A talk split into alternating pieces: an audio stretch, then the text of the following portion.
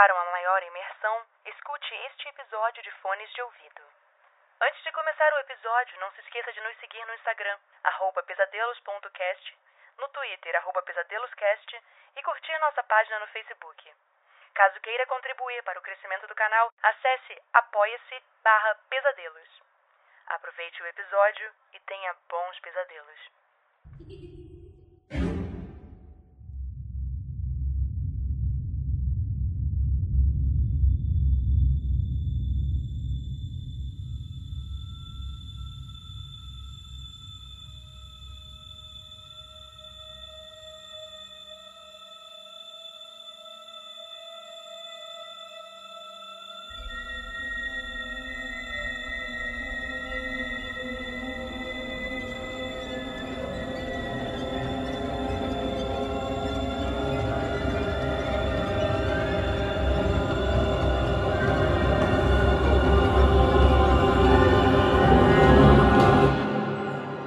A Sala de Aula, por William Camargo.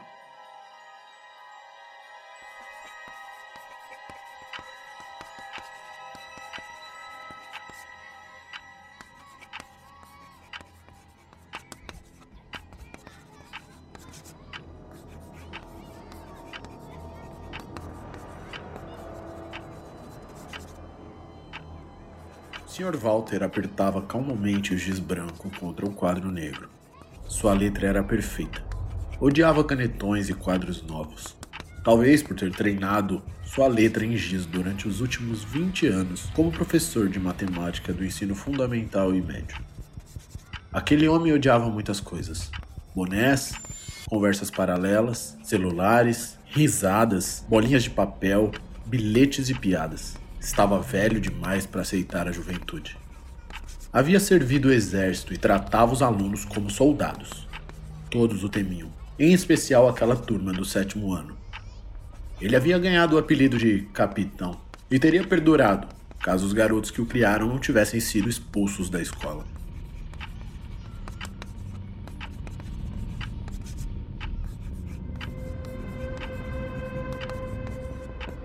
Era agosto, todos haviam voltado de férias e os números e equações surravam suas mentes enquanto os gritos da quadra e tic-tac do relógio acima da lousa ecoavam no fundo. A sala estava em silêncio, como de costume, até o silêncio ser interrompido pela voz rouca do velho frente à lousa. Ainda de costas, ele murmurou: João, diga-me dois números primos acima do 20. O menino ajeitou o óculos, engoliu a saliva seca, ansiando pelo sinal do intervalo, e com a voz trêmula disse: 23 e 27. Não, não, 29. Ainda sem se virar de frente para a turma, o Sr. Walter disse: Ficará 15 minutos após a aula, treinando a sequência, João. Sussurros e risos ecoaram baixo naquele sétimo ano, até serem interrompidos mais uma vez pela voz rouca do velho. Silêncio se não quiserem se juntar a nós! Aquele professor continuava a escrever. Ele havia desenvolvido uma forma de cuidar da turma sem precisar olhar. Ele via através do reflexo do vidro do relógio acima da lousa, em uma perspectiva que revelava a sala inteira. Quando voltou seus olhos ao relógio, fixou na figura de João, um garoto gordinho, de óculos e cabelo lambido. Mas algo estava diferente no rosto daquele menino. Sua boca parecia grande demais e os olhos separados. Um sorriso sardônico fez o velho virar rapidamente de frente para a turma. E um raciocínio lhe ocorreu ao olhar diretamente para João, que agora estava como de costume, com aquele olhar de medo. Estou ficando louco. Esse menino estava sorrindo ainda agora.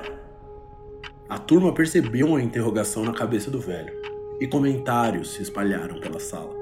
Quando o Sr. Walter estava prestes a berrar para que todos ficassem em silêncio, o sinal do intervalo tocou. Todos se levantaram, exceto João, e saíram em silêncio até dobrar o corredor e começarem a algazarra do intervalo. Sr. Walter fechou a porta e começou a calmamente numerar na lousa os números primos, enquanto pensou: que diabos aconteceu aqui? Eu posso jurar que esse garoto sorriu para mim. e ainda me desafiou. Aquele professor de matemática estava evitando o reflexo do relógio, mas a curiosidade o matava. E mais uma vez ele olhou. Agora, com a sala vazia, podia ver apenas João. Mas o garoto não estava copiando. Estava ainda mais assustador. Seus olhos estavam com um branco opaco, sem globos oculares, e aquele sorriso de raposa ainda estava em seu rosto. O coração do velho quase parou quando o menino se levantou da carteira e começou a andar em sua direção. A gritaria do intervalo sumiu. A única coisa que o Sr. Walter ouvia eram os passos daquilo que se apossara de João e as batidas fortes de seu coração. Ele se virou rapidamente e viu com seus próprios olhos aquele menino de 12 anos dizer, com uma voz que não lhe pertencia: Somos muitos, Sr. Walter. Somos, Somos pelo, pelo menos 10 aqui, aqui no colégio. colégio.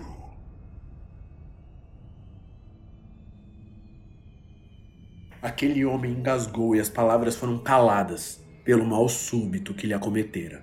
Sua visão escureceu e ele desmaiou. Quando acordou, estava na enfermaria, com o diretor e coordenadores olhando para o seu rosto. Sr. Walter tirou um mês de licença. Passou por consultas no terapeuta, mas manteve tudo em segredo. Sabia que não poderia contar para ninguém. Ele mesmo decidiu resolver aquilo. Havia recebido uma herança de seu falecido irmão. Tratava-se de uma pistola calibre 42. Ele sabia como manusear devido a seu treinamento militar. Ele a municiou e colocou em sua mochila no dia de retornar à escola, decidido a resolver aquela situação.